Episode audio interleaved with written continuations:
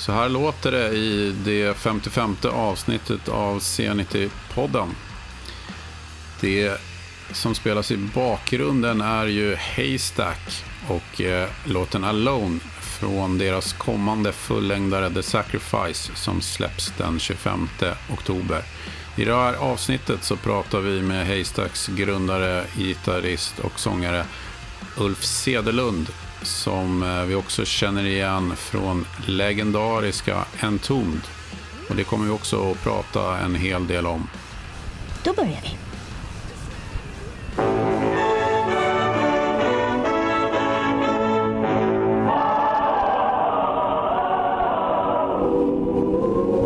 C90-podden är äntligen tillbaka. Och eh, som eh, gäst här efter ett långt eh, sommaruppehåll så har vi Uffe Sedelund. Japp. Välkommen till C90-podden. Tack, tack. Hur, hur är läget? Jo då, det är bra. Eh, lite trött, har jobbat idag och somnade sent igår. Och eh, ja, men det är spännande här med poddar tycker jag också. Jag, jag gjorde en, en, en poddintervju i lördags, mm, väldigt kaotisk sån, men annars är det här med, jag, det är ganska nytt för mig det här med podd. Ja, men då, är, Ja. då, då har du gjort en podd alltså? Det är inte Jag har gjort en första. podd innan, men, men det känns ändå nytt. Det här. Ja. Och så jag har precis börjat lyssna på poddar lite ja, grann också. men jag tycker det är rätt bra. Ja, absolut. Jag tycker. Och jag blir lite förvånad över så här ibland att en, en del, ja, men jag har ramlat över, det är egentligen två poddar, liksom mest på Staden och Tolkien-podden. Jag tycker liksom Staden, jag vet inte om du känner till den, men den är Mm. så otroligt välgjort. Mm. Det är olika Sen- städer varje gång va? Ja, precis. Ja. Men sen också att det, det känns lite sådär. Att vem, jag gillar det här när, att vem som helst kan liksom starta upp någonting och att det finns liksom tekniker och ha sitt eget radioprogram. Mm. Eller podcast då heter det. Ja. Alltså, det är väl samma sak. Och det jag tycker är skönt är att man får mycket mer tid. Ja. Mm. Jag har jobbat på tidningar och sånt innan. Där är problemet ofta att man gör bra intervjuer eller som man själv tycker är bra i alla Mm. fall. Och så har man liksom en liten spalt på en sida så ska man Ja. trycka ihop allt. Jag talade med en kollega då också. Han, att, eh, han sa att det, det är lite olika på vem man är. Eller vad man håller på med liksom när man blir intervjuad i poddar. Eller i, i sammanhang överhuvudtaget. Sådär. Han, han är mer sådär politiskt aktiv. Sådär. Och då försöker alla som in, intervjuar honom eller när han intervjuat någon. att då ställer man samma fråga om och om igen för att man ska säga något fel. Liksom, sådär mer. Ja. Ah, ja, det, ja, man kan liksom att lura det- in. Ja, eh, men, men i, i, i det här sammanhanget med musik och till exempel så, så tror jag att det är jättebra. Liksom. ja. Eller ja, jag har inte lyssnat på så mycket musikpoddar, eller ingen faktiskt. Som ska. Nej. Jag får börja med C90. Ja, precis. Jag var inne och tittade fall, sådär på vad du, vad du hade gjort. Ja, ja. Ja, vi har haft lite sommaruppehåll där. Hur, Mm. hur, har, hur har din sommar varit? Eh, nej men ja, jag brukar ju alltid jobba känns det som. Men eh, den här sommaren hade jag lite mer ledigt än vad jag har haft. Det är väl lite sådär hur, vad för typ av anställning man har. Tidigare, jag har gått omkring som timanställd väldigt många år. Men nu vill de inte, eh, jag är personlig assistent. Men då är det assistentbolaget, de vill inte att man ska gå år efter år Mm. som timanställd. Jag har ingenting emot det. Så att nu, då tvingar de in ändå på någon slags, man har något avtalet, en fastare tjänst. Och då har jag helt plötsligt semesterersättning. Mhm. Så att det var första sommaren på, jag kan inte ens komma ihåg när jag hade semesterersättning. Okej. Jag kanske aldrig haft det. Ja, någon gång måste jag ha haft det. Ja. Så det var, helt plötsligt så fick man lite pengar när man var ledig. Fast jag har, ja, man har arbetat ihop de där. Så Mm. men det kändes bra. Så, så jag, jag vet inte, var nere i Berlin en sväng. Eh, Men annars är jag hemma mest i Stockholm. Kul stad Berlin tycker jag. Vad sa du? Berlin, kul Ja, stad. ja, verkligen. Eh, Det är väl också så något, jag har, inte, jag har varit lite trött på att resa. Det kän- känns, jag har ju rest väldigt mycket i mitt liv. Eh, Men det var min, min flickvän som tyckte att vi skulle göra något och då det känns lite fånigt att åka till Berlin. Så det är så här, Att det är lite- 10-15 år för sent och Ja. alla åker till Berlin. Så där, men, men jag tyckte det var en otrolig känsla att komma ner dit. Jag har inte Mm. varit i någon stor stad utomlands. Eller jo, jag har varit ute och spelat lite med Disfear men jag kan inte räkna det riktigt sådär som resande. Liksom. Men just det här att komma till en så stor stad. Jag har blivit lite intresserad av städer de senaste åren också. Tyckte det var hemskt att komma hem till Stockholm. Det kändes som att man kom hem till en liten så här by. På något sätt. Byhåla. Ja, så byhåla. Som folk klarar inte ens av att cykla bredvid varandra här. Folk, när man möter en människa så krockar man med dem om man inte flyttar sig. Så sådana där saker tycker jag fungerar bättre när man är i större städer. Det kanske bara, bara jag får för mig. Liksom. Men eh, jag vet, tycker det bara känns, känns... Jag har alltid tyckt att det känns härligt i Berlin. Det känns som det mesta finns där, att det är så pass stor stad. Ja. Och man kan... eh, Här känns det, det känns lite tuffare här i Sverige. Att, eh, om man vill vara, vara lite utanför och annorlunda så är det väldigt svårt att vara det här. Men jag tror att det finns en lite större tolerans att leva i en gråare zon i Tyskland. Mm. Kanske inte ner i Bayern, men... Eh, äh, fan vet, jag vet ingenting om Bayern. Jag, jag blev blev stannad av polisen där varenda gång jag varit där. Tycker, därför gillar jag inte Bayern. De tror att bara för man är ett rockband så, så kör man bil och knarkar. Så de ska hela tiden så här, göra massa tester på när man kommer från spelställen där nere. Ja. Lite så här, ja, provokation tycker jag liksom av slutändan. Men det är inte sådär med vissa flygplatser också? Har för mig. Ja, jo det är det nog. Det är väldigt länge sedan jag flög också. Jag, flög hem från Berlin och åkte tåg ner. Mm. Eh, men jag tycker att det känns som... Ja, men precis. Flyga från Berlin hem. Det känns som att man bara stiger på tunnelbanan och åker några stationer. Eh, men det stämmer säkert att, så här, att de är hårdare på den här flygplatser. Men är inget jag har märkt på Nej. någonsin eller väldigt länge i alla fall. Nej. Jag kommer inte ihåg. Du sa förut där att du jobbar som personlig assistent. Mm. Jobb, jobbar man åt samma person då? Ja, jag... Ja, jag har jobbat med samma person i sju år. Okej. Och det var väl eh, sådär... Alltså jag, jag väljer aldrig något yrke. Utan jag... Eh, jag har aldrig vetat vad jag, vad jag vill. Så jag har liksom aldrig utbildat mig till någonting. Utan Jag, jag vet att jag måste ha ett jobb för att kunna försörja mig och mitt barn. Eh, när jag hoppade av en tomd så då hade jag någon kompis som fixade in mig i en sån här videobutik som jag jobbade i sex år. Precis innan alla de försvann. Mm. Och sen pluggade jag i två år. Men då innan jag pluggade så var jag lite så i, var tvungen att gå till Arbetsförmedlingen. Du vet, få lite a-kassa någon sommar sådär för att klara ekonomin. Och det var en sån chock. Jag, jag har liksom aldrig gått till Arbetsförmedlingen för, förut för att få a-kassa. Eh, men jag, märkte bara hur hårt och hur svårt det var på något sätt. Och vilken vil- förnedring verkligen. Men jag bet ihop de här månaderna. Då- Jag var väldigt tacksam för att jag fick stöd några månader. Men jag, har- jag har fan betalat a-kassa alltid när jag jobbat. Så jag tycker att jag, det var dumt. Sen pluggade jag ett år. Och sen, och sen så kom sommaren igen. Och då trodde jag att jag, att jag kunde stämpla igen. Vilket var kanske lite dumt av mig. Och bara tro det utan att kolla upp det. Men då gick jag dit och då sa de att Nej, men du får ju ingen a-kassa. Du är i mitten av en utbildning. Var två år då liksom. Och... Eh, ah, det är så tråkigt att prata om egentligen. Men, men då, då sa jag så men då kan jag ju hoppa av utbildningen och sen Ja. stämpla över sommaren. Sen säga, nej men jag kom visst in på utbildningen ändå. Ja, ja. Och då sa de så ja men då kan du bli återbetalningsskyldig och sånt där. Mm. Så det var lite läskigt. Men då bestämde jag mig för att aldrig mer gå till Arbetsförmedlingen. Och då, då kollar man ju runt omkring sig sådär. Så, och då eh, var det en, en, eh, en kille som behövde assistans i eh, min vänkrets. Mhm. Eh, och jag tycker att det är jättekul jobb. Tungt som fan är det. Men, eh, men ar- alltså jag, det är ju ett assistansbolag som driver allting så här, men sen så är det ju eh, ena föräldern till personen som är assistent till som eh, är god man då. Så där. Och jag, det är en jättebra arbetsplats verkligen. Så att jag har fastnat där. Mm. Eller fastnat heter det inte. Jag har stannat där. Mm, mm. För att jag blir så bemött på ett så bra sätt. På något sätt. Respektfullt sätt. Så, och då, då tycker jag, då, då vill jag stanna på en sån arbetsplats.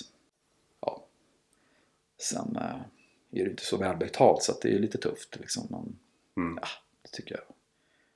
Jag tycker inte det är så viktigt. Liksom det där med pengar. Har det gått bra att kombinera med musik? Eh, ah, jo, alltså jag, jag har ju aldrig haft något problem att ta ledigt.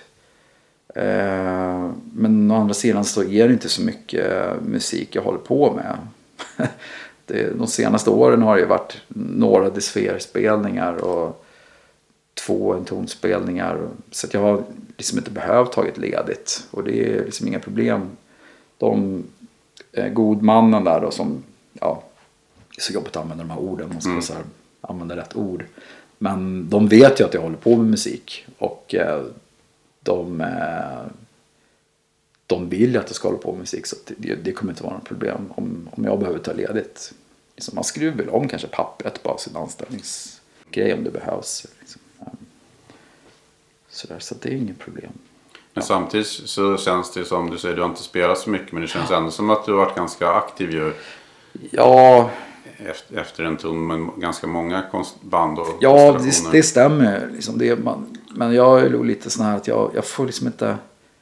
Jag gillar en bit av musik, musiken, hela Mm. alltet då liksom. Men det är ju ganska många bitar som ingår i om man ska hålla på med musik. Och en bit är ju det här efter man har gjort låtarna och spelat in dem. Och efter där, det är jag skitdålig på. Jag är helt ointresserad. Eh, oftast är det att jag tycker att när jag har min inspelning mixad och klar hemma.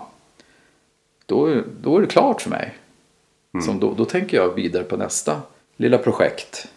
Men då börjar ju egentligen arbetet. Men jag är ju redan klar. Och det är det som är problem med mig. Liksom att jag, jag ofta ser det så att jag, jag har inte heller haft, eh, jag har inte haft så bra ekon, ekonomi.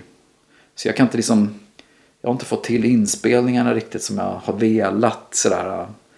Eh, Det är alltid tid, svårt att få upp tid i studion som ska synka med de man spelar med.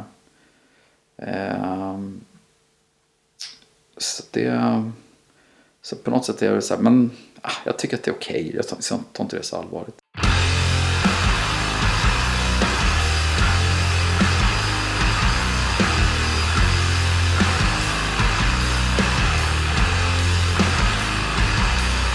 Det jag gör nu är ju det är liksom, jag, jag bad ju, eller Alex typ erbjöd att hjälpa till på något sätt för att något skulle hända. Liksom. Och det, om inte han skulle gjort det så skulle man ju bara lagt ut den här Haystack-skivan då som kommer sen. Eh, jag skulle bara lagt upp den på Bandcamp efter så här, den var inspelad. Och så skulle väl så här, tre pers betala något för den. Sen kör man, gör man nästa skiva liksom. Så här, men, men jag tycker att det är okej att göra så också. Jag gillar så här och bara... Ja, men så här, jag tänker att jag själv skulle uppskatta om jag hittar någon band som inte så många känner till men Ja, ändå det. är bra. Liksom. Precis. Ehm, Man får någon slags tillgång till något som inte så många ja, vet om. det blir speciellt. Mm. Liksom, och, Men det låter ju också som att du, du gillar det kreativa, skapa musik. Ja. Och sen när det är klart så är det mycket andra, helt andra grejer egentligen. Så att, Mm. så att då kan det vara bra när en sån som Alex kommer in. Som, absolut. som, eh, det, för det är ju ert skivbolag. Ja, eller det vet jag faktiskt inte längre. jag tror att jag blev avskriven ur det där skivbolaget när jag hoppade av eller fick kicken ur en ton. Ja, Three Men va? Ja, precis. Eh, Jag kommer ihåg att jag fick hem ett brev i alla fall. Men, det, men jag tror inte...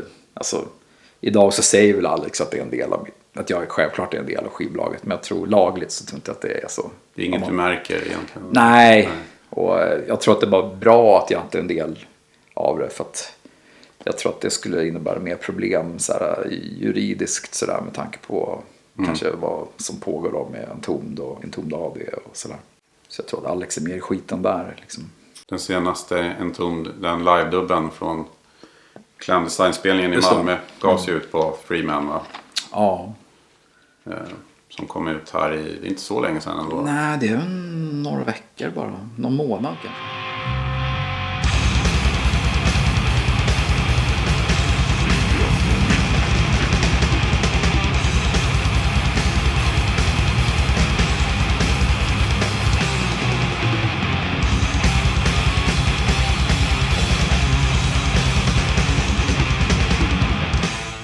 Två sl- släpp på kort tid nu då. Ja. dig, liksom. Det skulle ju blivit fyra skivor det här året egentligen. De, de två, vi spelade in två skivor på 90-talet med Haystack. Som skulle kommit ut i april på Record Store Day var väl tanken. Okej. Så, att, eh, så Alex skojade liksom att du kommer släppa fyra skivor i år. Men vi hann inte det liksom. De, de, de skivorna kommer väl nästa år. Haystack gav ju ut två skivor på mitten på 90-talet Ja. Precis. Och de gick ju inte obemärkta förbi ändå måste man väl säga. Alltså, Nej, alltså visst det, det är väl lite, alltså jag vet, både ja och nej. Alltså nå- några kommer väl ihåg dem. Och Det är väl lite sådär att första skivan kände folk till i Sverige lite grann. Några, några liksom. Och, Ride at You. Ja, precis. Från 1996. Så. ja, Så, men sen så kom det ju en annan skiva. Men den kom typ nästan aldrig ut. Eller det, frågan är om den ens fanns i någon skivaffär här i Sverige. För Okej. att det är jättemånga som inte kände till i många år att den ens fanns. Slave Me. Ja, och utomlands var det ju helt tvärtom då. Att ingen visste att det fanns en första skiva. Men då fanns Slave Me bara. Okej. Men jag tycker det är så intressant. De här, ja, det är ju 20 år sedan de här skivorna kom. Bara det känns lite fånigt också. Man börjar spela igen. Någon sån här grej som man har legat, på, legat, legat ner i 20 år. Men, men det är kul. Eh, men att jag har ju stött på människor. Så en kille i Sydafrika, Adam, som, som hade Slave Me. Och när vi var där och spelade med en ton. Så man, och i Grekland någon gång när vi spelade med Desfer. Då lirade en diskjockey någon låt från Slave Me-skivan. Ja, kul. Och sådär. Ja, så det, det tycker jag är jätteroligt. Så, Ehm, så att några har ju kommit ihåg den skivan. Så det är kul. Och Jo- Jonas Lundberg som är med nu var ju med även Mm. Ja. på 90-talet ju. Ja, precis. Han... eh, Det var väl egentligen han som... Vi lät ju inget vidare innan han började spela med oss. Utan det var ju han som... Han är en bra trummis liksom. Och Johan från Backyard Babies Ja. var med på första svängarna. Precis, Johan spelar bas på de två, de två skivorna. Eh, och det var ju grymt. Han, eh, Jonas och Johan tillsammans. Låter ju svinbra. Mm. Johan Blomqvist då. Eh, ja. Och eh, det var väl egentligen Johan som var lite delaktig i att vi började spela igen här nu. Men sen så var det väl lite så här. Jag tyckte liksom att han ville göra en spelning men jag och Jonas ville göra mer. Så kände jag att man fick inte riktigt någon sån här. Det tog liksom så tre månader innan Johan svarade och sådär. Mm, okej, ja. Och så jag blev lite sur på honom, så här, vilket fånigt. Men jag tänkte så här, fan han har inte tid med det här. Han bor i Eskilstuna också. Jag och Jonas vill ju liksom repa en gång i veckan och göra en skiva om året. Och spela liksom. Och det, det har inte Johan tid med tror jag. Så vi, vi bestämde oss ganska snabbt så här, men det går inte med Johan. Nej, för han jobbar väl och har familjeliv Ja, också. eller hur? Och Backyard Babies Ja, som, som spelar en nu, eh, vi ska och spela Eskilstuna ser det ut som någon gång i november eller december. Så, och jag hoppas ska mejla Johan och fan, så vi bara så att det inte är någon så här hard feelings Nej. tänkte jag. Nej. ja. För nu är Patrik... Eh, Patrik Torngren, ja precis. Han, eh, han lärde jag känna. Jag hade ju någon band med Patrik Wirén från Mr Loves Company. Det var början på 2000-talet. Och då, ja, det var liksom han och jag som pratade om ett band och så bestämde typ Patrik vilka som skulle vara med. Och då lärde jag känna Patrik Torngren. Och han, eh, han är så här, jag... Det är så här, schysst lirare och ja, vi, kan, vi relaterar till varandra väldigt enkelt liksom med musik och, musik och film. Eh, och han är jävligt rolig.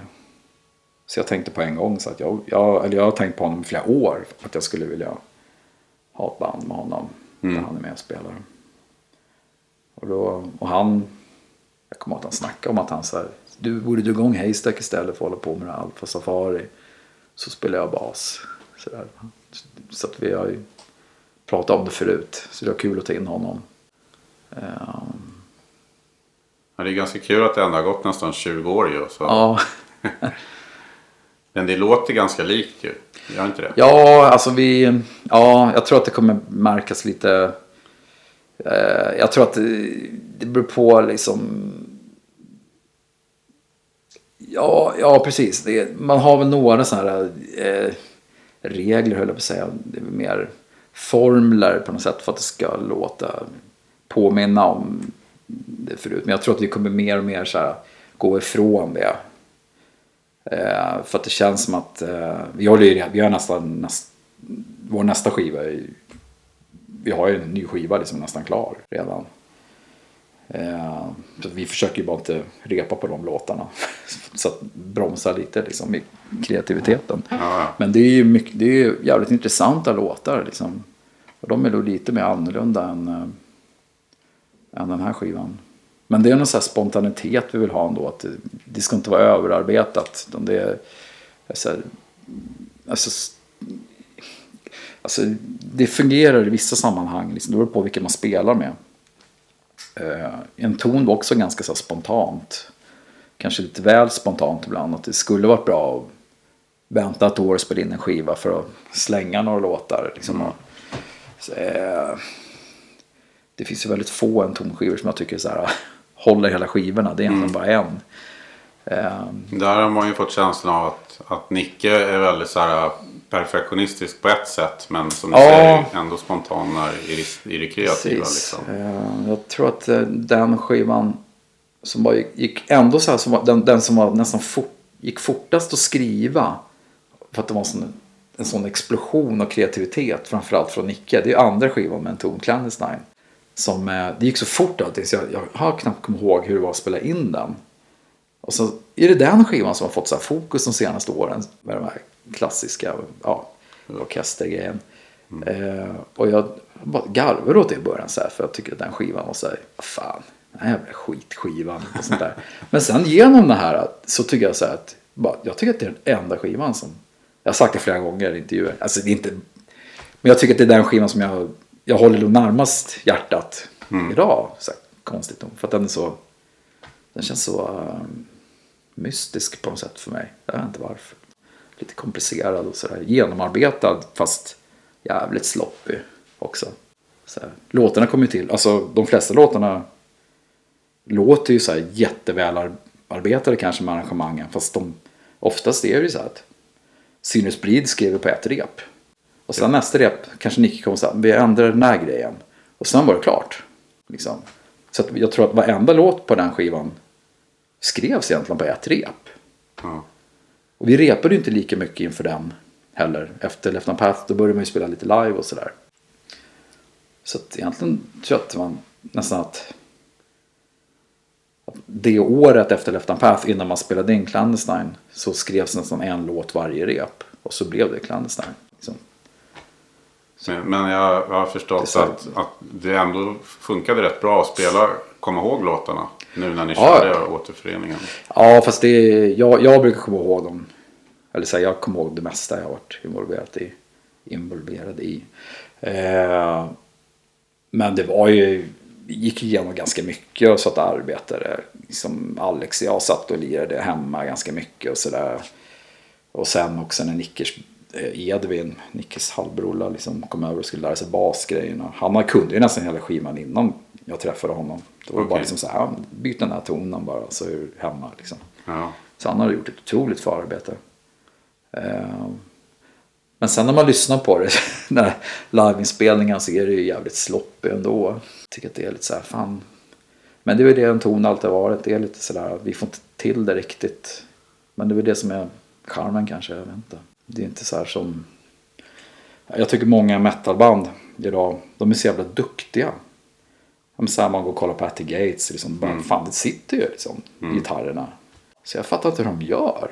Det är otroligt tajt hela Ja, tiden. Ja. helt sjukt som tajt. Och jag tänker så här, fan, så jävla bra är de på gitarr. Är det för att vi har en helt annan, annat sätt att göra låtar på som är svårare att spela? Det kanske inte går att spela våra riff har jag tänkt också. Det har jag också sagt så här, för Clandestines-skivan speciellt att det, det går inte att spela den. Så, här, så att det låter bra. Liksom, det, men skitsamma. Det, Men det är otroligt anmärkningsvärt ju ändå att ni gjorde. Jag menar ni var inte liksom 40 bast när ni gjorde Clandestine. Det var er andra skiva. Ni var Ja, typ 20. 20 liksom. liksom. Ja. ja, det är det jag tycker så här, fan, jävligt häftigt liksom. Men det var väl mycket Nicke. Liksom. Ja, ja, han, eh, men han, han, det kändes som att han eh, pisk, drev på. Eh, drev på. Det var ju mest han och jag tror jag som repade och sådär. Eh, för att det, det jag spelade alla gitarrerna på den tiden på inspelningarna. Men att han på något sätt, det känns som att han försökte pusha mig så hårt som möjligt. Så här, och se hur långt jag kunde spela hans konstiga grejer. Liksom. Ja. Ja, men det, det kändes så kan man ha på något sätt. Och sen att han spelar allting så jävla fort. Liksom, eh, ihåg det, det är knappt. Jag kommer ihåg när vi började repa in äh, Clandestine-låtarna med Robert och Edvin. Först när vi, vi körde Living Dead. Ja, så, vad ska vi göra? Ja, men vi kör Living Dead då. En, två, tre, fyra. Så körde vi bara. Och det gick okej sådär. Så frågade Nicke så här. Ja, ja, de två yngre då.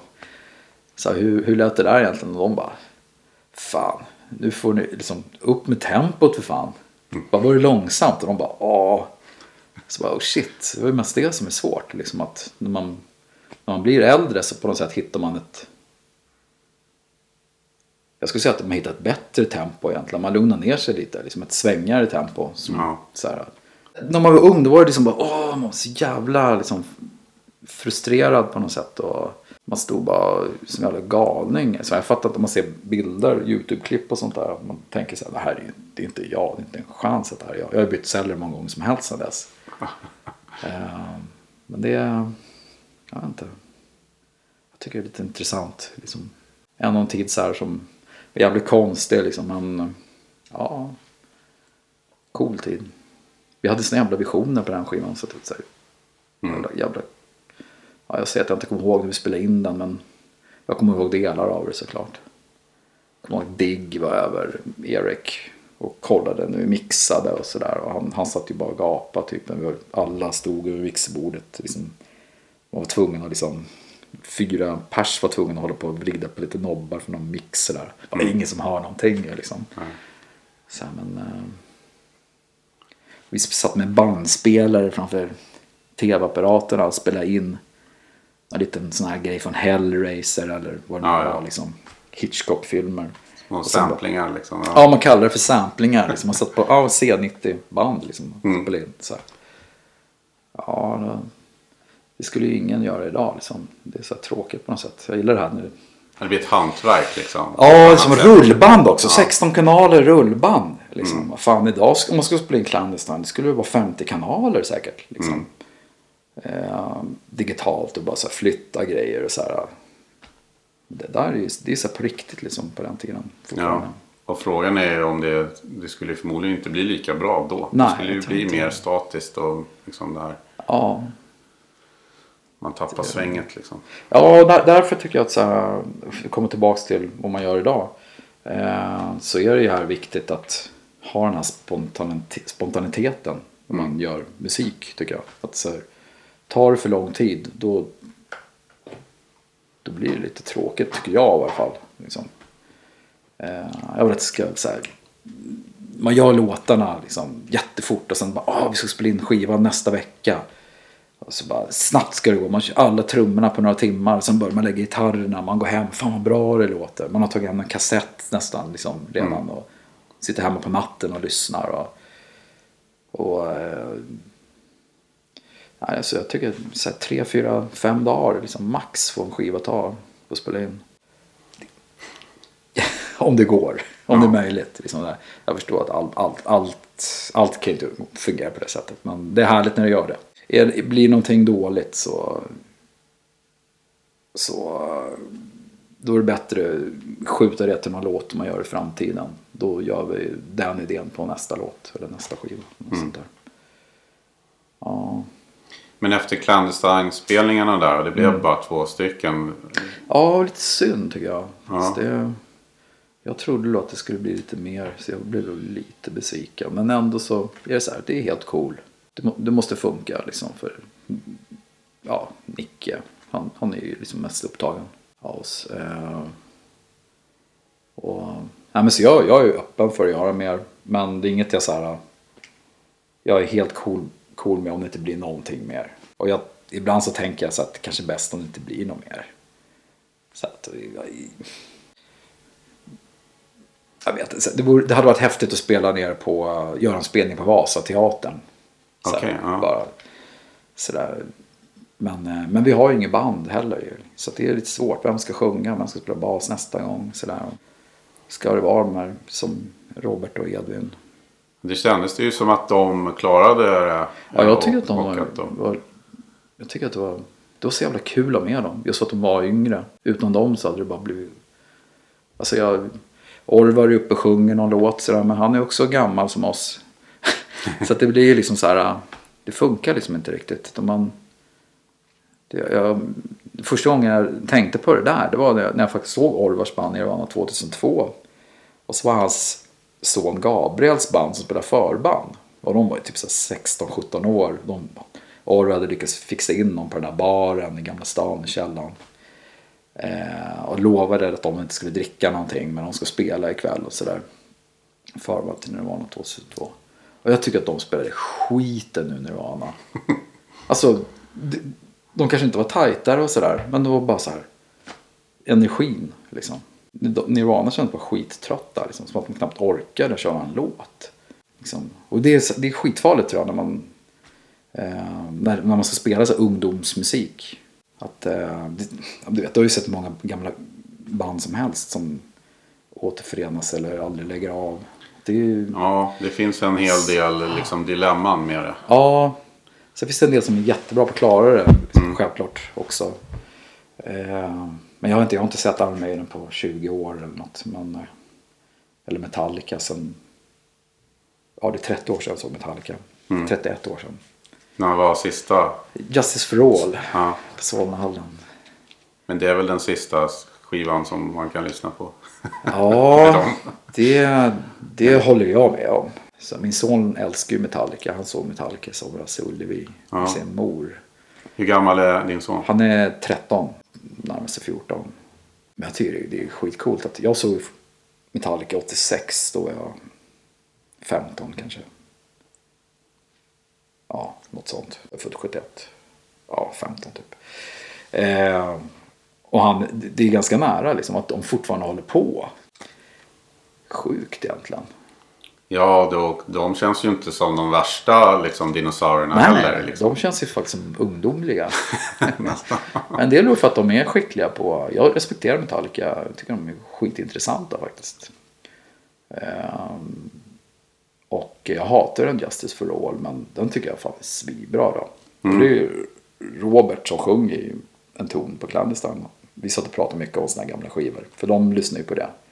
Och han sa att Ride the Lightning och Justice for All är bäst. Och då gav jag en Justice for All en chans igen. Så För min son har ju de skivorna. Så jag, jag tycker fan den är svinbra. Sen är det väl det klassiska dilemmat med den, att, med basen där. Att den Ja, men jag tycker det är coolt. Ja. Alltså, visst, den skulle vara roligare om det var bas där. Men det är någonting speciellt med just det här att en så tydlig markering att vår basist dog. Liksom, och vi har en ny basist, men, men det är liksom ett stort tomrum för oss ändå som band. Liksom. Det är frukt, måste, känns fruktansvärt för Jason. Att han, fan, glömt bort vad han heter. Mm, Jason Newsted, ja. Måste varit jävligt påfrestande för honom det där psykiskt, tänker jag. Eh, att vara med i det där bandet. Ja. Men eh, Jag det en själv liksom, så här, komma in som Ja. det och sen hörs inte gitarren. Liksom. han, han hörde säkert en mix när basen var med. Sen så bara Lars någon så här, kommit på liksom att ah, du kan ta semester nu så vi ska mastra om två veckor. Så här. Sen så kommer mastringen och då bara. Mm. Eller också har de parallellmixat den bara. Liksom. Jag vet inte, är det någon bas överhuvudtaget där? Liksom, har de tagit bort den helt och hållet? Eller finns det en Så aning det av är, det?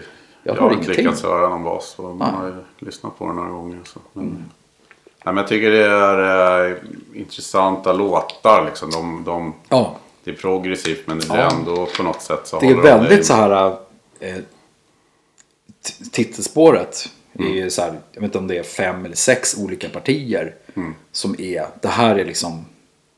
Nu börjar versen. Och sen där är, är refrängen slut. Och här är nästa vers och refräng. Och det är ju så otroligt mycket sådana här. Jag, jag tycker så här konstigt men jag kan dra så paralleller till ett punkband som heter No Means No. Som, ja, ja, de har absolut ingen koppling alls. Men de hade också så här ganska eh, tydligt så här att det är liksom långa partier liksom så här, som är väldigt så här, och nu kommer det partiet som det. Men de flesta skulle säga, ah, men vi hoppar över det här sista gången för att det blir för tjatigt. Så här, men, nej, det ska vara så på något sätt. Och, jag, och det är det som jag tycker så här, är så coolt med just den skivan. De började göra det på Master of Puppets-låten. Den, det upplägget. Jag vet inte, alltså jag har inte lyssnat på Metallica så mycket senare efter den. Fan, sitter och snackar om Metallica. Jag skiter i Metallica. Men, men jag tycker att de är... Ja, men det, är, det är intressant om man drar paralleller här. Ja. Att, man, att man hela tiden vill utvecklas. Man vill, göra, man vill inte stagnera. Man vill göra någonting nytt. Ja, och det har de fan gjort. Ja. Tänker jag också. Så det, Och det tycker jag också var intressant när vi pratade om en ton. Att, ja, att ni var så pass unga. Ni hade bara gjort en platta och började få publik. Men istället för att liksom tröska på med en formel som funkade. Så, så valde ni hela tiden att gå vidare. ja.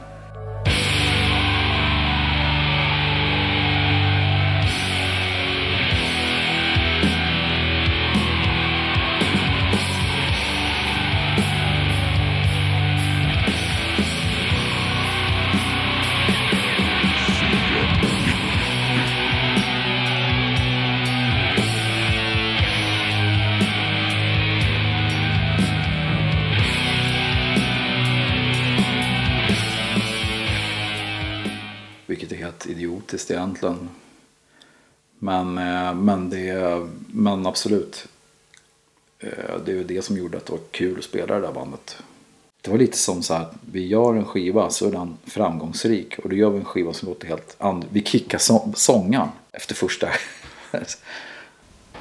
You got rid of your singer just like a couple of months ago. And so where's the reason for it to lose Lars because he had a good voice? It's like um, you could say it was attitude problems. We didn't fit that well together. So, I mean, so what we thought it was like better to to do something than to continue with a with bad attitudes and, and stuff like that. So that's the main reason. Yeah. Okej, ja, då gör man det svårt för sig på nästa skiva. Och, och sen efter den så är det liksom, äh fan death metal det är tråkigt. Det gör något mer rockigt. Idag låter ju Wolverine Blues mer death metal än vad man tyckte då. Men, men ändå var det ju så att vi sumpade ju skitmycket på de, de dragen. Men kanske efterhand fått någon slags respekt.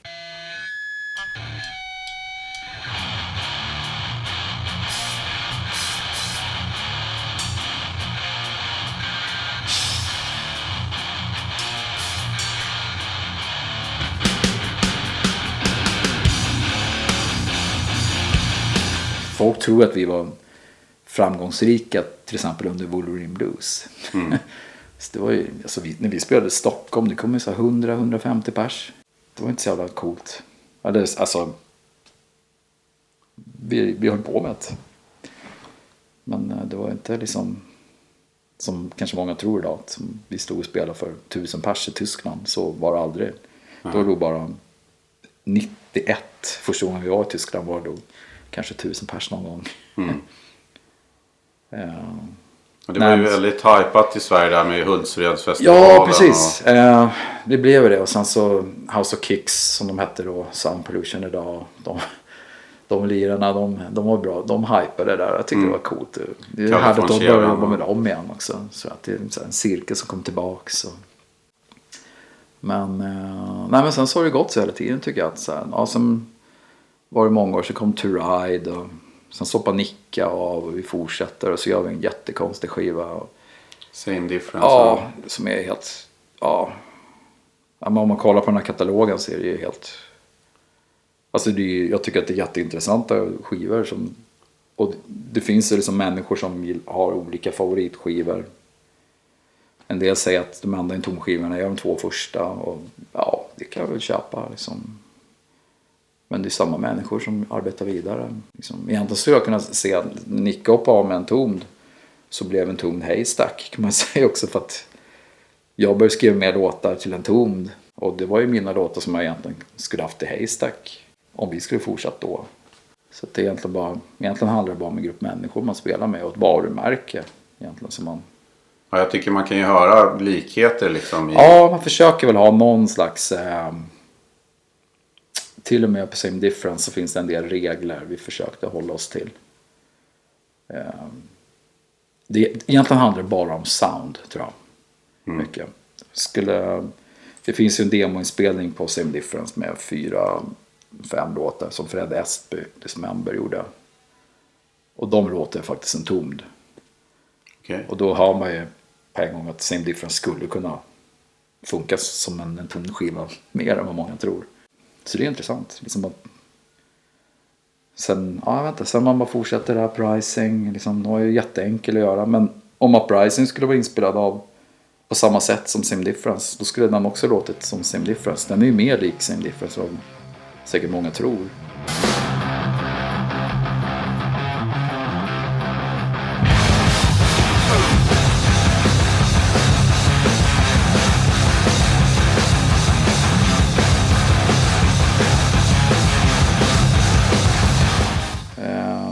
Ju så här vanlig punkrock metal-skiva liksom. Precis Ja. som Same Difference. Egentligen To Ride också liksom. Tror jag. Många ser väl eh, Uprising lite som en återgång till... Ja, precis. Det, det är ju bara för att det slamrar lite. Och, och Nico började spela in. Liksom, och på något sätt så hittade vi ett samarbete med honom. Så att han fick upp det igen på något sätt. Men vi stämde ju helt annorlunda på gitarren också på tre skivor.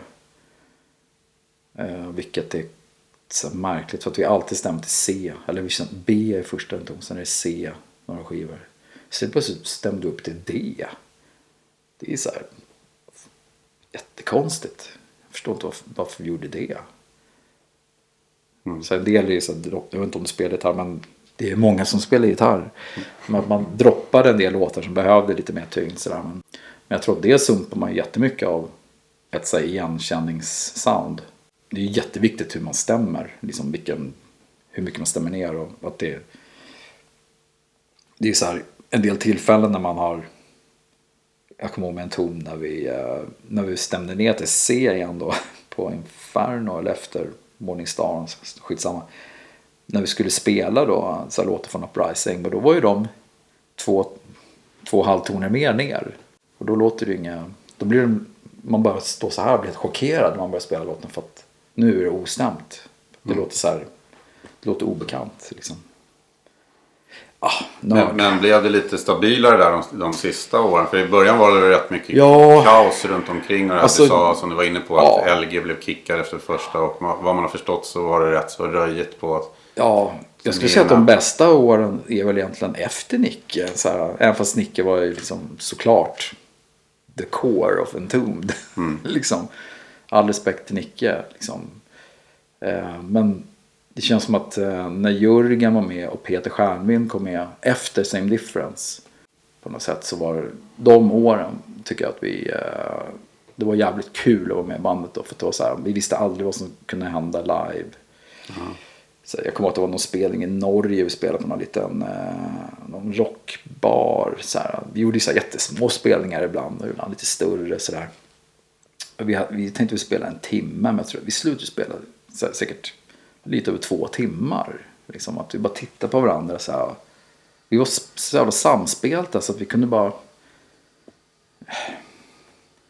känna lite liksom vad det är som händer. Och så titta på varandra och så visste vi vad vi hade varandra och bara så här, jävligt härligt när det blir så. Man känner varandra så väl. Liksom, att vi, vi, ibland så förstörde vi låtarna så att vi kunde liksom sluta mitt i en låt och börja på näst, en annan låt och höll på så här konstiga pusselbitar och sen på något sätt lyckades foga ihop allt. Alltså det, det finns inte inspelat där. Jag, har- jag har inte sett något sånt på YouTube eller något men eh, det vore häftigt om det fanns så dokumenterat.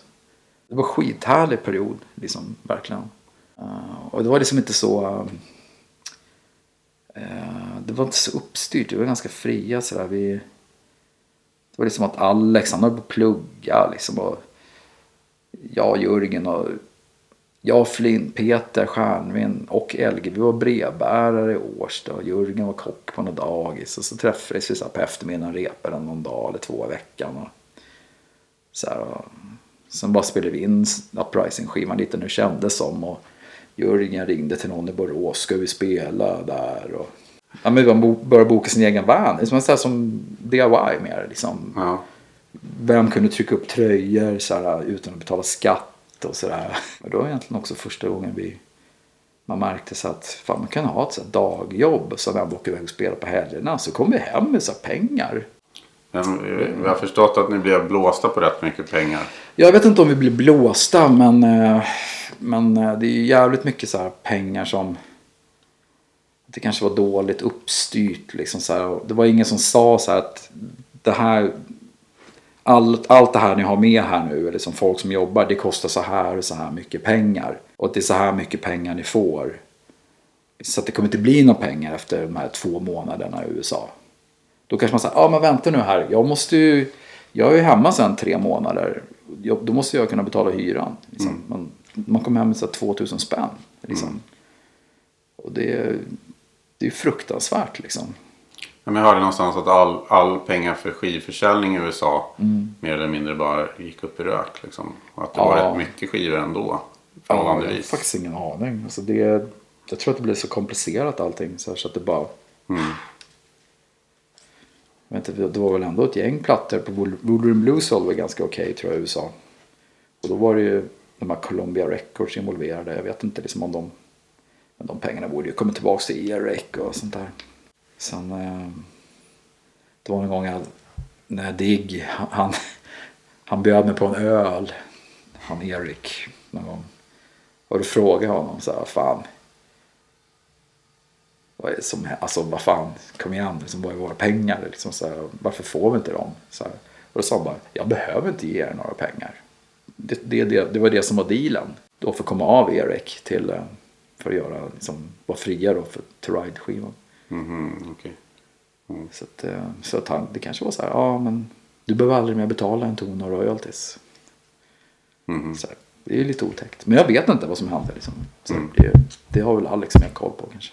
Men, eh, men det är de där tråkiga bitarna. I... Ja, men, men nu är det ju lite grann så att vi, vi har, eller det är Alex som har kontakt och sådär. Men Digg skickar någon Messenger-meddelande ibland sådär. Alltså. Eh, ja, men han, kan, han kommer med skämt. Ja, ni får lite, så här mycket pengar får ni om ni gör en ny skiva och sånt där. Och, och då, när han gjorde det första gången då tänkte jag så här, fan om vi ska göra en skiva till med en ton. Det måste Erik släppa. Ja, men jag tycker det på något sätt. Att så här, det, jag tycker ändå att Erik är så här, ett av de coolare bolagen fortfarande. Även fast jag inte köper skivor av dem. Men de har alltid eh, inte så stagnerat i någon genre utan alltid haft så här lite vy efter lite annorlunda saker. De släpper ju countryskivor idag och allt möjligt liksom. Och jag tycker att det är, det är det jag tycker är coolt med Eric. Jag tror att de skulle tycka, alltså vi är ganska långt från att göra en tonskiva. Liksom, om det mm. någonsin blir men det är min dröm i alla fall. Skulle det bli så. Har, har du låtar som du liksom... Eller låtar Nej, jag, jag har inte så mycket. Jag, det blir mer att jag använder det som skulle kunna funka till en ton. Det spar jag liksom inte. Jag, jag gör det en liten stund liksom. Men sen så brukar det hamna i lite andra eh, sammanhang. Sammanhang. Ja, jag har något annat projekt satt på gång. Men jag vet inte om det kommer bli av. Eh, som är lite mer så här death metal.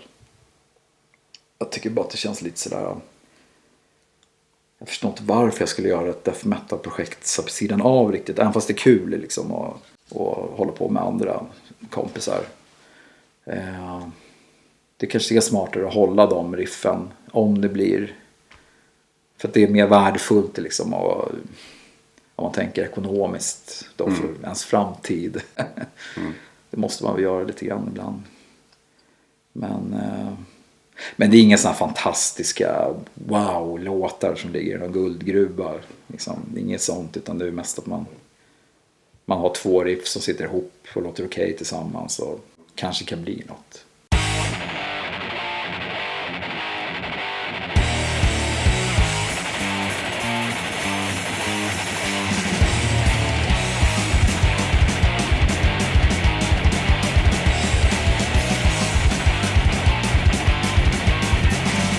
Idag har ju ändå överlag och om man även ser över, över stora delar av världen också måste man säga. Har ju en ton ett jäkligt bra anseende och, och, ja.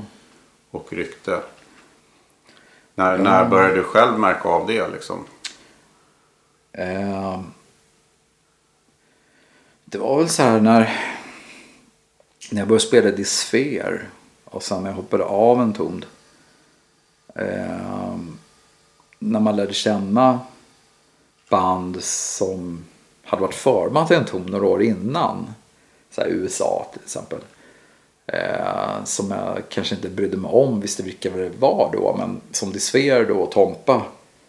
De är mycket mer inne liksom, i, en, sån- i den scenen. Medan jag var helt så här bortkopplad och liksom pop typ. Ja, just det. At the Gates Tompa. Ja, precis. Han har liksom mycket mer liksom koll på sådana här den extrema band fortfarande. Eh, och han förklarade som liksom att de här borde du lyssna på, de här borde du lyssna på. Eh, och då var då man insåg så här att sen när man lärde känna Converge. Eh, att ja, men vi spelade förband till er 98. Vi tyckte det var skitcoolt. Sådär, liksom, och ni spelade så högt och vi tyckte det var häftigt. Och, sådär, och de har väl spelat in Wolverine Blues tror jag. Eller kört live i varje fall. Då. Eh, jag tror det finns någon tröja också som är så här, de har den här Jane Doe, ett kvinnoansikte som är lite split med något Uprising skivomslaget. Mm. Jag vet inte om det var Alex som gjorde den kanske. Och han Kurt spelade in uh, Disfers skiva jag gjort med dem. Sen finns det de här Cursed från Kanada. Sångarna i det bandet var ju också så stort en fan. Så att det är band, band som är jävligt bra också. Som jag tycker så här. Mm. Man Sen den, ja, gitarrljudet hände också på något sätt att när folk helt plötsligt förstod att det bara var den här HM2-pedalen. Så då blev det ju så enkelt för alla. Satt- Motorsågsljudet Ja, eller och då- bisvärm. Så nu finns det ju många som helst som är mycket bättre på, på det där ljudet. Ja men då är det så här, så här Rotten Sound från Finland. Är ett svinbra grindcore-band. Tycker jag. Som eh, jag blir så här varje gång jag ser dem live så blir jag så förvånad över att jag bara shit vad bra de är. Även fast jag inte liksom lyssnar aldrig på dem på skiva och sådär. Men då blir jag lite stolt över dem. Så här, för det är mina kompisar sådär. Och han Mika har ju det ljudet då. Liksom. Ja, men man, det är ju, jag tycker även med olika genrer, genrer som ett band som Monolord om du har talas om dem som är mer Doom. De har ju liksom merch som är liksom med en toned eh, Ja. eh, typ snittet fast det står Monolord. Och, och nyligen var ju Chris Barkensjö från Lik med här i C90. Entombed Dismember är ju deras liksom. Ja, precis. Han var ju med och rodda för en ton i något år. Eller rodda. Han, var, han hängde med oss den här bra perioden som jag berättade om med en Ah. Då var han med och, och hjälpte Peter med trummorna. Och han... Eh, Han har ju fått repa nu istället för Fred med Dismember inför. Eh, jaha! eh, Fred kommer och sen bara mot slutet. ja, i och med att han inte bor i. Ja, Han bor ju i USA. precis. De ska ju spela på Ja, i höst. Scandinavian Death Fest. Ja. Förening. ja, de har, ja vi, ska, vi har någon spelning med dem i, med Desfer i Holland. I maj. Fast vi, vi är inte där samma dag de spelar. Okej, ja. Men, eh, nej, men det är kul. Alltså, det jag, Dismember också kan man ju säga några fina ord om. Jag tycker det är så coolt att de fan är vänner fortfarande ändå. Att de kan göra så här originalsättningen från första skivan och bara så här. Det är ju fantastiskt. Liksom. Och fi- Hur många sådana band finns det? Liksom? Hur fan lyckades de med det? ja, det är lite här- annat läge än för er. Ja, det är liksom fruktansvärt det läget vi är i. Liksom. Det är så jävla tråkigt att det blev så. Jag vet inte om du är trött på att prata om det så. Men hur, liksom, me- mellan dig och LG, hur är läget där? Alltså jag vet att träffar jag Helge så är det cool. Liksom. Men, eh, men egentligen är det ju inte det. Men eh, jag har inte pratat. Jag, jag stötte ihop med honom någon gång. när- Något av de här mötena man hade. Liksom, som Alex tyckte att man skulle närvara på. Eller behövde närvara på. Eh, nej, men jag tycker också att det är lite tråkigt. Jag och LG har ju växt upp tillsammans. Men, men det är ju länge sedan. när man Han var din första polare från Ja, vi, kom vi, vi gick i Bredängsskolan. Liksom, och då är ju han och jag som spelar först. Och sen så kom, Mm. började vi träffa folk utanför. Han var ju trummis i... Ja, i med mig. med Morbid och ja, spelade trummor. under namnet Drutten. Och, Ja, och du precis. hette Napoleon Pukes. Ja. man fick inte heta sitt vanliga namn. Det var ju Pelle som kom på de namnen. Ja, just det. Pelle Död som sen Ja, eh, precis. sångade i Mayhem. Ja. Men, eh, nej men jag vet inte det där med LG liksom om man ska säga.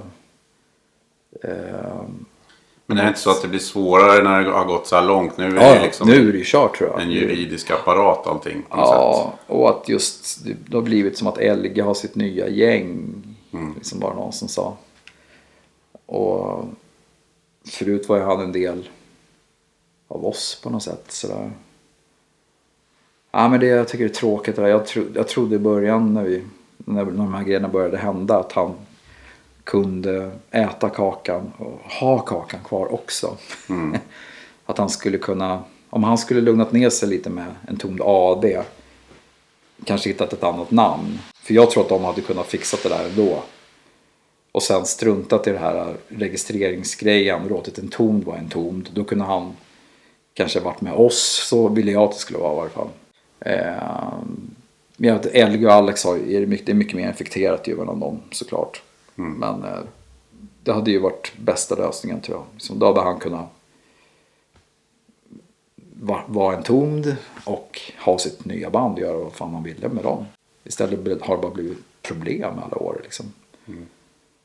Det, ehm, Ja, Men de- det blir ju rörigare också än, än vad man kanske tror också. För att Ja. Jag blev förvånad till exempel när en, en Tunde ID skulle spela på Grönan tror jag, förra Mm. sommaren. Och då hörde man folk som ändå eh, man tänkte var hyfsat insatta och sånt Ja. där. Men som inte riktigt så här, ja men Nej. då är inte det här riktiga en Tone. Det är ju liksom så här, ja men det här har ju pågått i flera år. Och så här, det är ju inte liksom det här. Ja, det, är, ju- det är ju jättedåligt att det blir så. så. Jag fick också meddelanden då, ska du spela ikväll och sånt där. Jag bara, va? Ja. Ehm, ja, men det är väl lite problematiskt. Så jag, fan, det var något jag skulle säga, men uh, nej, men det försvann. Men är det det som stoppar upp mycket nu för en ton? Nej, nej det tror jag inte. Vi... Alltså det, det som... eh, Alltså, det har väl att göra med liksom att det inte finns tid riktigt. Liksom, och, eller vad, vad jag tror. Liksom. Jag, jag tror inte Nicke så här att han... Eh, jag har mer tid än Nicke. Liksom, och mer att... Eh, kanske, vad ska man säga, kanske vinna på om man skulle göra något mer än tongrejer. Liksom, ur en ren ekonomisk synpunkt. Liksom, eller synvinkel. Eh, detsamma gäller ju för Alex. Liksom. Men, men Nicky har ju en karriär liksom, som han eh, ser som att det, det är hans huvud. Han, han fokuserar ju på Lucifer mer än man gör på Hellacopters tror jag till exempel. För att han tycker att det är roligare. Liksom. Han vill vara med sin fru liksom, och sådär. Eh, Och där har han ju också det här efterfrågan med Helicopters på ett ny- ett Ja. nytt album. Precis. Och de håller väl lite på och försöker testar att göra en skiva tror jag. Har hört lite rykten om. Och sen vill ju Eh. folk ha ett nytt Death Breath-album Ja, också. det är ganska många som sliter honom hela tiden. Liksom. Och jag vill inte vara den som Nicke, öh, kom igen nu, fan vi måste hålla på. Utan det där måste vara frivilligt från, från han. Liksom. Jag är med om han vill. Liksom. Men, men jag är superrespekt liksom, om, om han inte vill. Jag är helt okej med det också. Det, jag, äh, det är lugnt liksom. Jag hoppade av en ton en gång i tiden liksom, och det gick bra. Liksom. Men det var då du kände att det höll på att utvecklas till någonting annat musikaliskt eller? Nej, det var mest så här att... Eh, eh, lite tror jag samma känsla som Alex fick mot slutet. Att det bara, ah, man blir, börjar bli mer och mer utbränd på det man håller på med. Så här, turnerandet. Och jag tyckte inte det var kul. Att det blir för slitet liksom. Och jag... Så att jag hanterade alkoholen sämre och sämre liksom också. Det blev så slitigt där liksom. Eh, och det är väl hade- någon, någon gräns där när det går i början så är det liksom alkoholen. En kul, är den kul. Ja, sen sen, blir- det bara medicin. Eller ångestdämpande kanske. Eh, men alltså det var, det var inte bara tråkigt liksom. Men, men det var fan skitslitigt de senaste åren kände jag. Liksom. Man, ja. Och eh, sen hade jag hade ju börjat spela med Desfer också. Det var också så här lite konstigt drag. Liksom att man började spela med dem. Men det kändes lite roligare liksom. Men det är ju, vi, vi har ju också enorma slitningar. Liksom, såklart. I dysfer? Ja, det blir ju jobbigt efter ett tag. Liksom. Mm.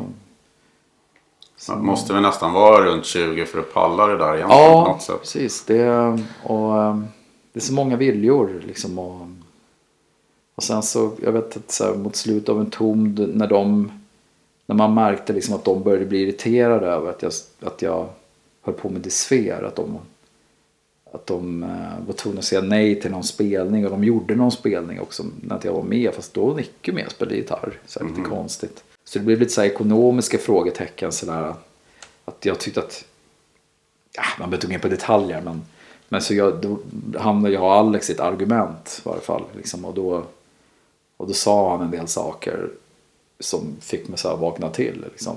Att jag bara kände så här, shit jag kan inte vara med här längre. Det är ju det är inget bra liksom längre. Och då bara sa jag det, shit jag, jag kan inte vara med längre. Så det var liksom vägs ände på något sätt. Ja, det var man bara hamnade där liksom baff liksom. Och det var ganska läskigt liksom. Och det var ju skitjobbig period i början. Liksom. Det är ganska stor oms... Jag hade liksom ingen inkomst eller någonting. Liksom. Så det var ganska tur att jag hade en, partner som hjälpte mig lite. Eh, annars hade det gått, inte gått bra liksom. Det... Men det hur stort problem blev alkoholen då? Nej, men jag har ju varit nykter i stort sett sedan dess. Jag slutade en tond. Mm. Jag har fortsatt att dricka lite grann eh, efter en tond.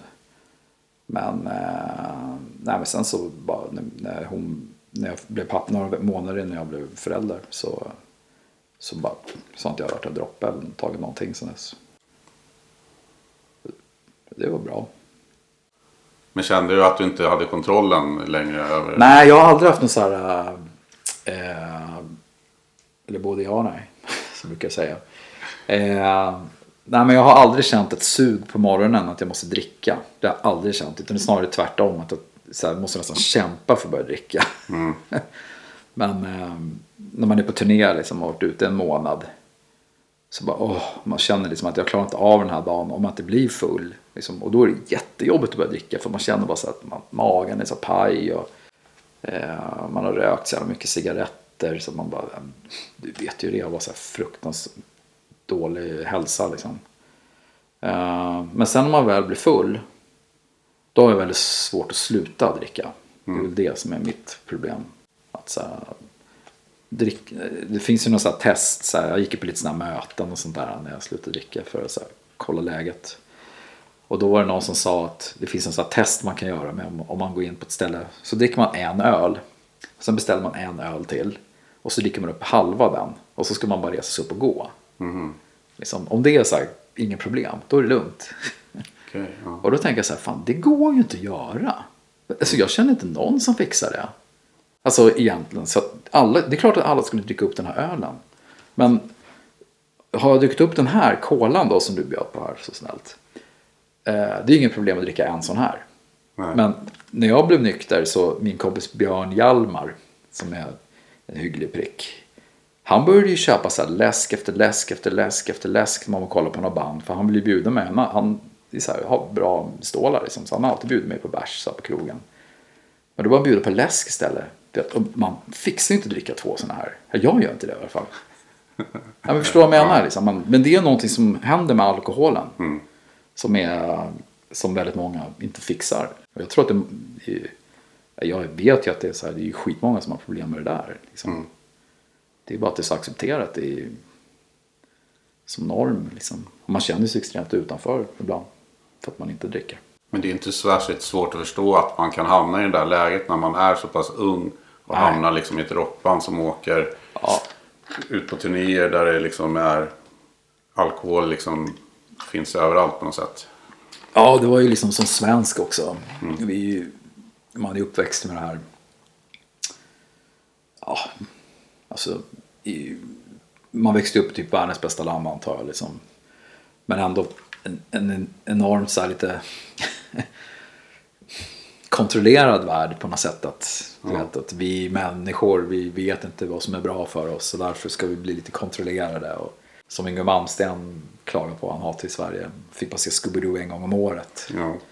Och det var ju svårt att få tag på alkohol när man var ung. Liksom. Ehm, Så att när man kommer utomlands så är det, det är, ju katastrof för, för många svenska band. Tror jag. Eh, jag bara kan tänka tillbaks på så här hur jävla dum, dumma vi var liksom.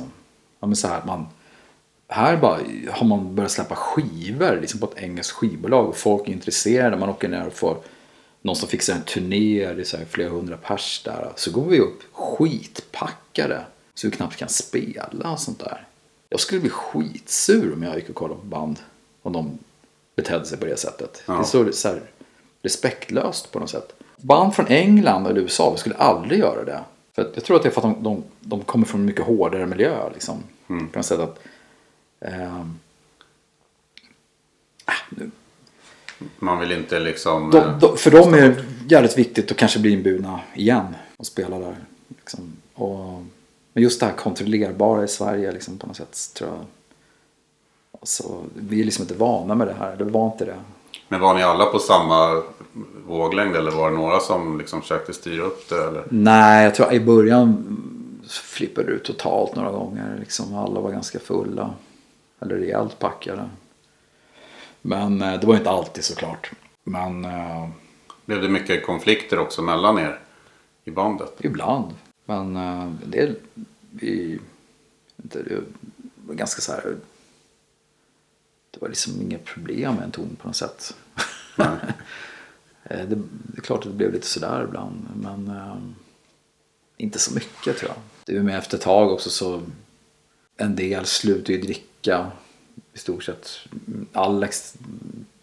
När han festade loss då blev han jävligt full ibland. Eh, men oftast var ju han ganska nykter, städad, liksom ute och spela. Medan jag, eh, jag drack alltid liksom. Men kanske hade mer eh, jämnare. Eh, att jag alltid var full. Liksom, Att det inte var så. Det var inga lätta grejer heller. Ni skulle gå upp liksom med Clandestine till exempel. Ja, nej men det var inget problem. Det var Nej. så här roligt att så här, tycker jag Elge sa något fint så här, när, när jag slutade. Att så här, ja han slutade. Frågade om, om det var någon intervju med honom något år efter. Eller något, så att Uffe fick sluta för att han hade alkoholproblem eller så här, för att han inte kunde spela för att han var full hela tiden. Och Elge bara, nej inte alls. Han var full, ja det var men han har alltid kunnat spela. Det var så fint av honom att säga det.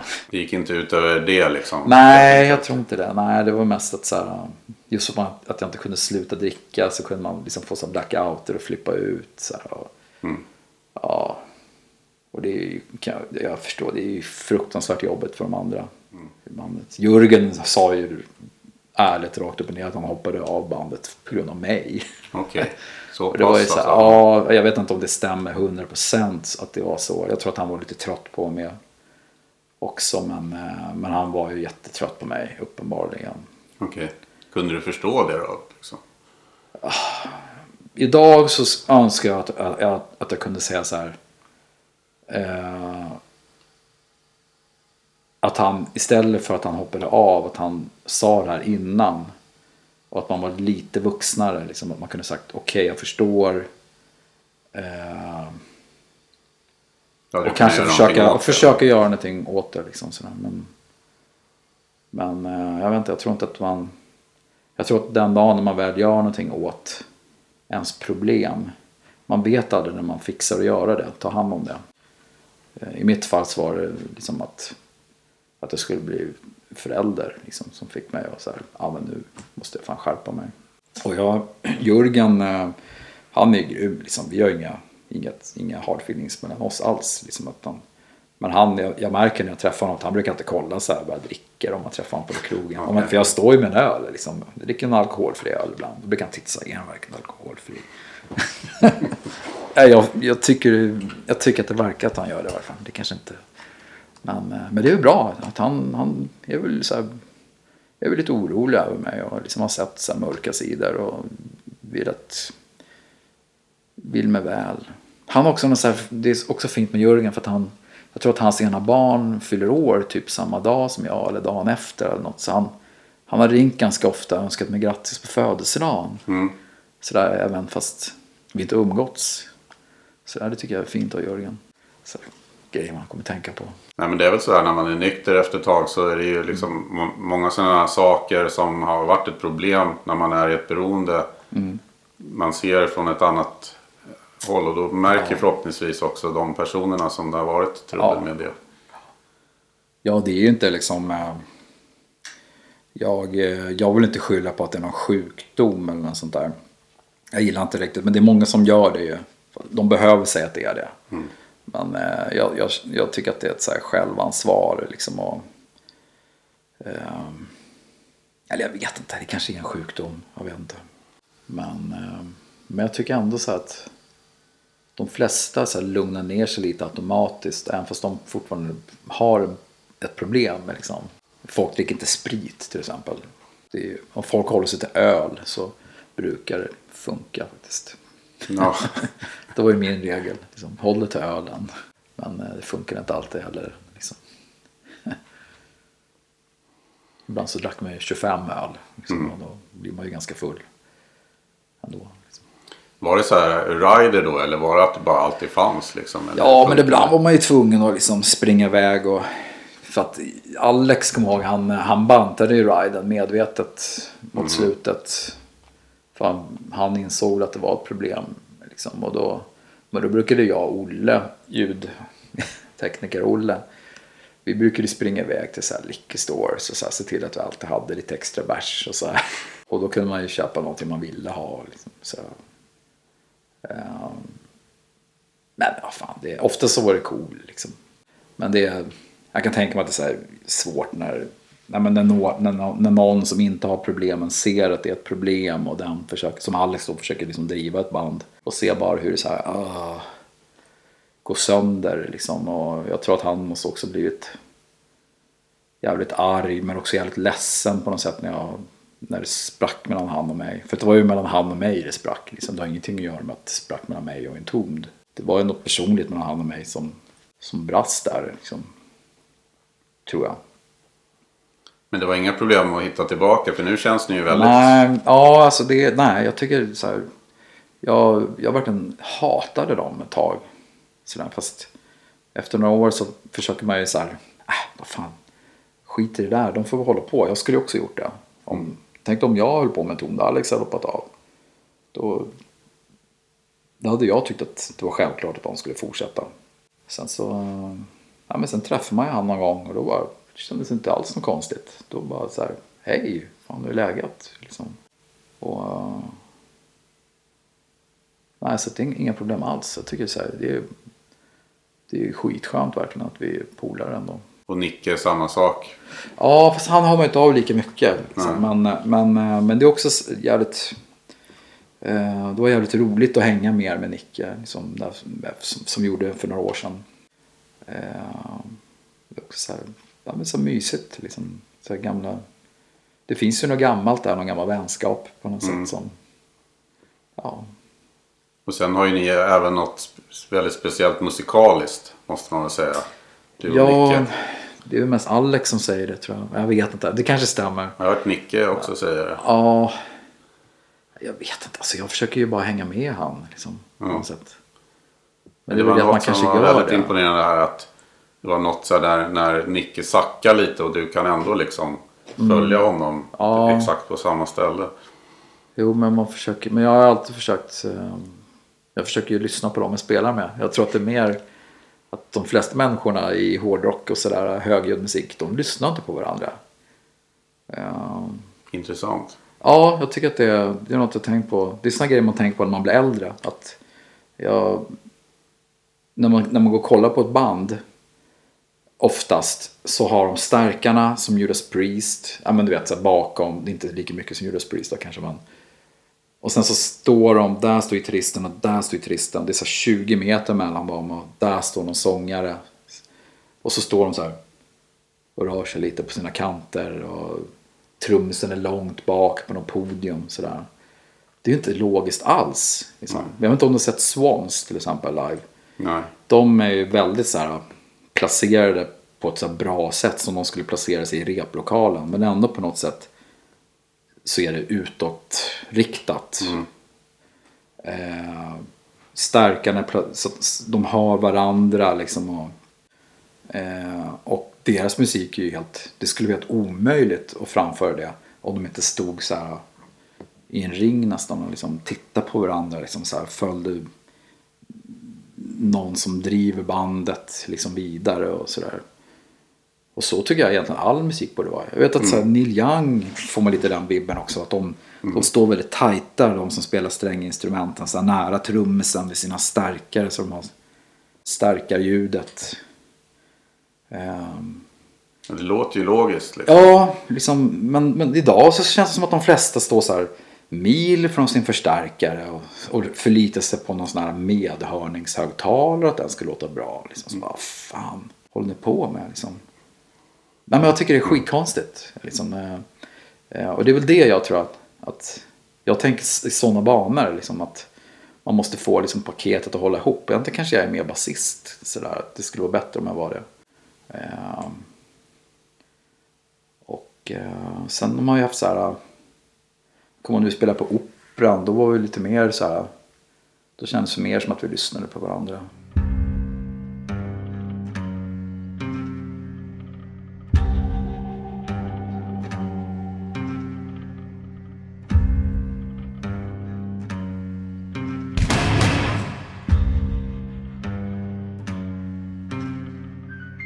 Och även när det repar och, och liksom gör musik. För många band träffas ju knappt idag. Nej.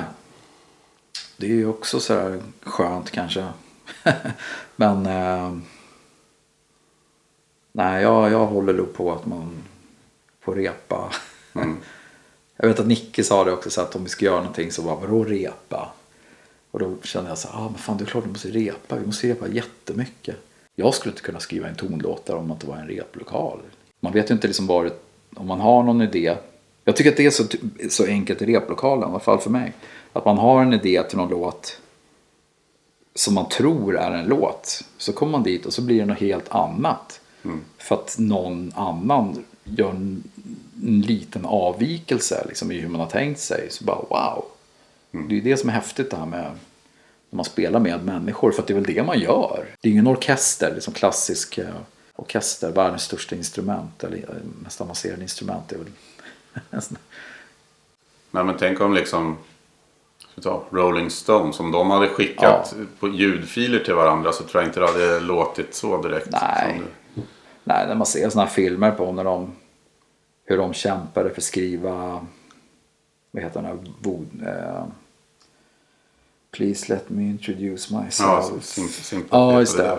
Ja, någon, liksom alla olika variationer de var på. Och sen så var det någon morgon när Keith var där. Liksom och bara råkade göra någon liten variant på det där. Och så bara wow. Så någon som woho. Så bara, ja, där är det liksom.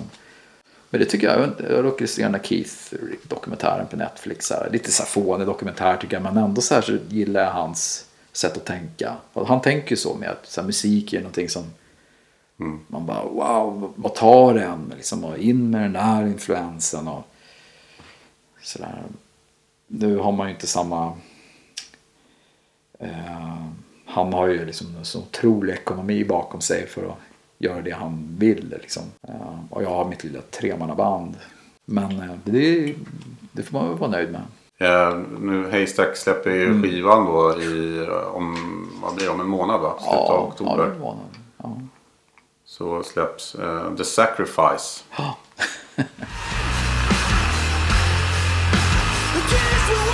Så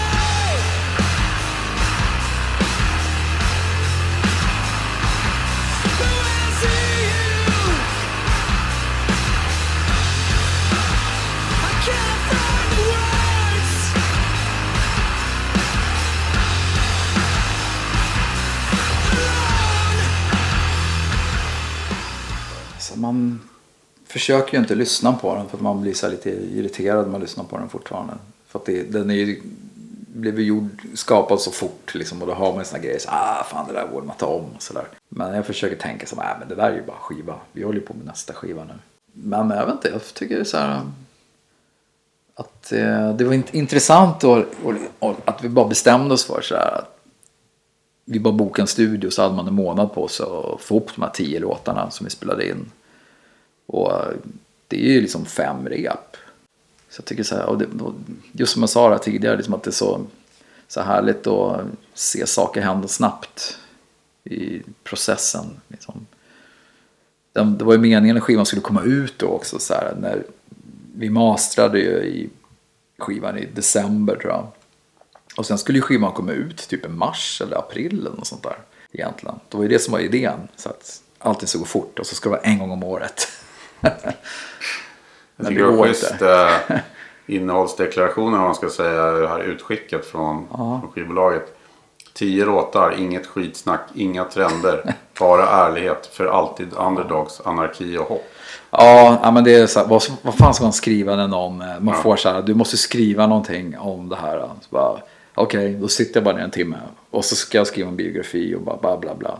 Och då skriver jag sådana grejer som jag tycker låter coolt. Liksom. Och en del grejer känns det ju som att, att det stämmer. Jag, vet inte, jag tror att, jag tror att det tog, stod det med Forever Underdog? Ja, just det. Ja, För alltid underdogs. Ja, precis. Eh, och det är väl lite så här, så har jag alltid känt mig lite grann. Att så här, ja, det, alla andra har gått lite bättre för det, så här, men mig, jag, har aldrig, jag har alltid känt mig lite så här, ja. Men även så tycker jag att det är skönt.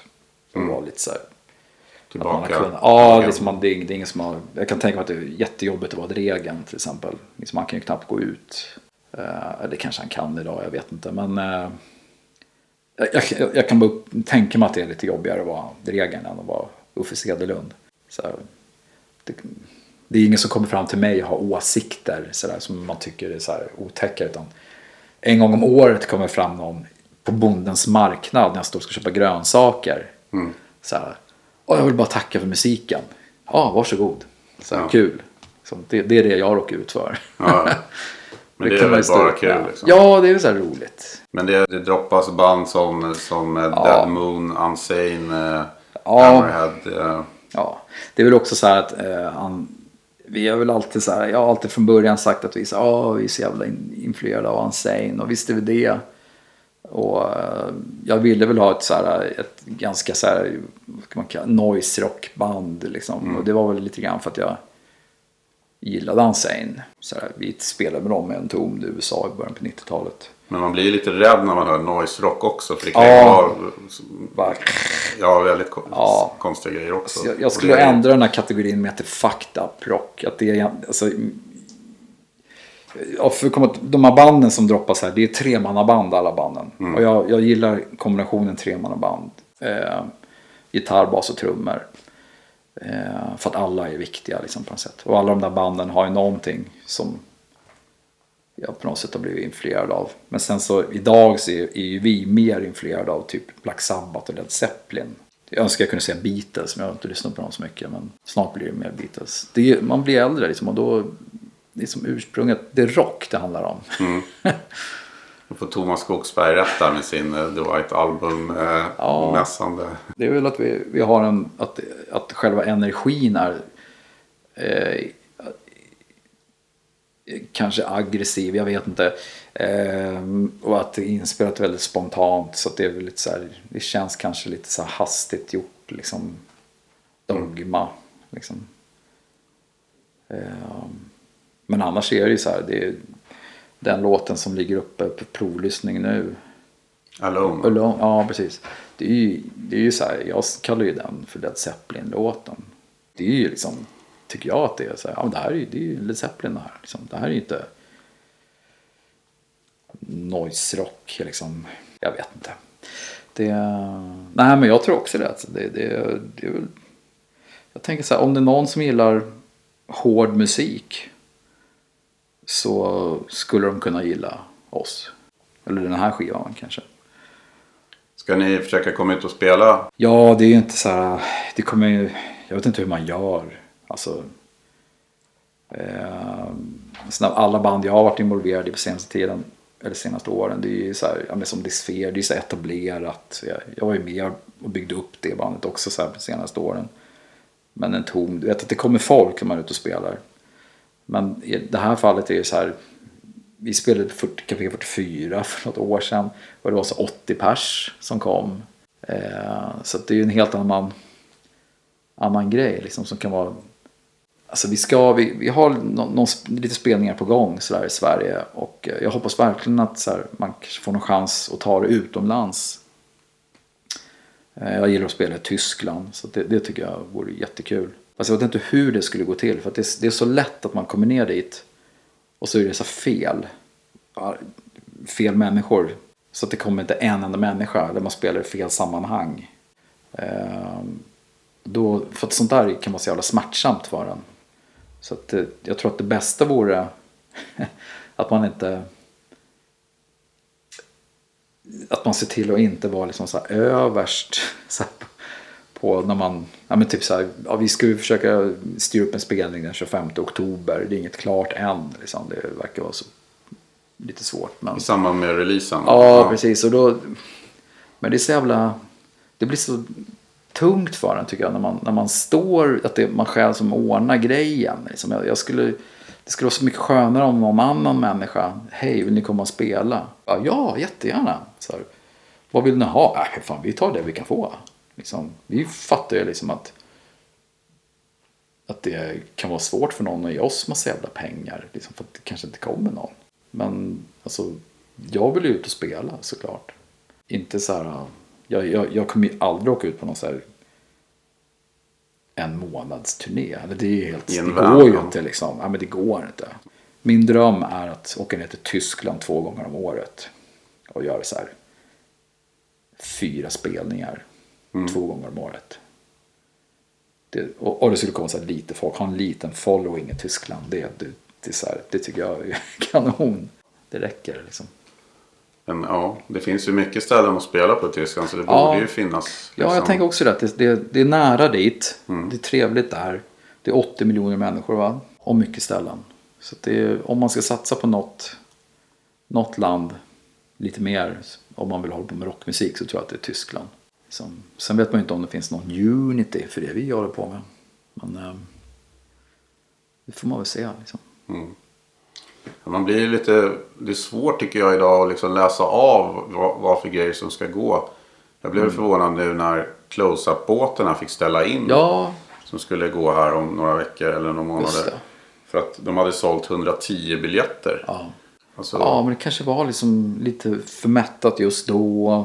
Och eh, kanske varit många båtar. Folk har inte riktigt lust med det just nu. Alltså man vet ju inte vad det har för Nej. inverkan. Så skulle den här spelningen vara sen lite senare så kanske det hade funkat jättebra. Ja, jag tror att många vet också om att när de inte behöver köpa biljett så väntar man. Mm, ja, man vet att absolut. det kommer inte ta slut. Ja, Eh, Men man, man blir ändå lite så här, man tycker det är lite sorgligt på något sätt. Att, ja. för att det är, Jo, det är enorma så här. Det är jobbigt att hålla på med sådana här arrangemang. Så tänker jag. Det är Ja. ganska stora grejer. Jag vet inte hur mycket, hur mycket liksom close-up har folk som gör det åt dem. Liksom, men det, det är då ganska mycket jobb för de som håller i blaskan. Ja, Men om det är några bokare där ute eller arrangörer så vet ni att det finns ett bra band att Ja, boka här precis. under hösten som Ja. gärna kommer och, ja och spelar. precis. Eh, Ja, så här små rockklubbar i landet. Det är det jag. som är roligast också. Ja, jag tror det var någon i Eskilstuna som hörde av sig och så har vi något på, på gång i Malmö. Vi vill, vi vill väl gärna spela i Göteborg antar jag. Västerås går att spela kanske. Uppsala. Sen vet jag inte, Gävle? Ja, jag vet inte. Det, är så- det, är- man får väl se vad som händer. Eh, Händer inget så får vi väl börja jobba på nästa skiva istället. Ja, men det börjar väl bli dags att runda av va? Ja, Stort tack Uffe. ja tack själv. Tack. Och eh, på återhörande.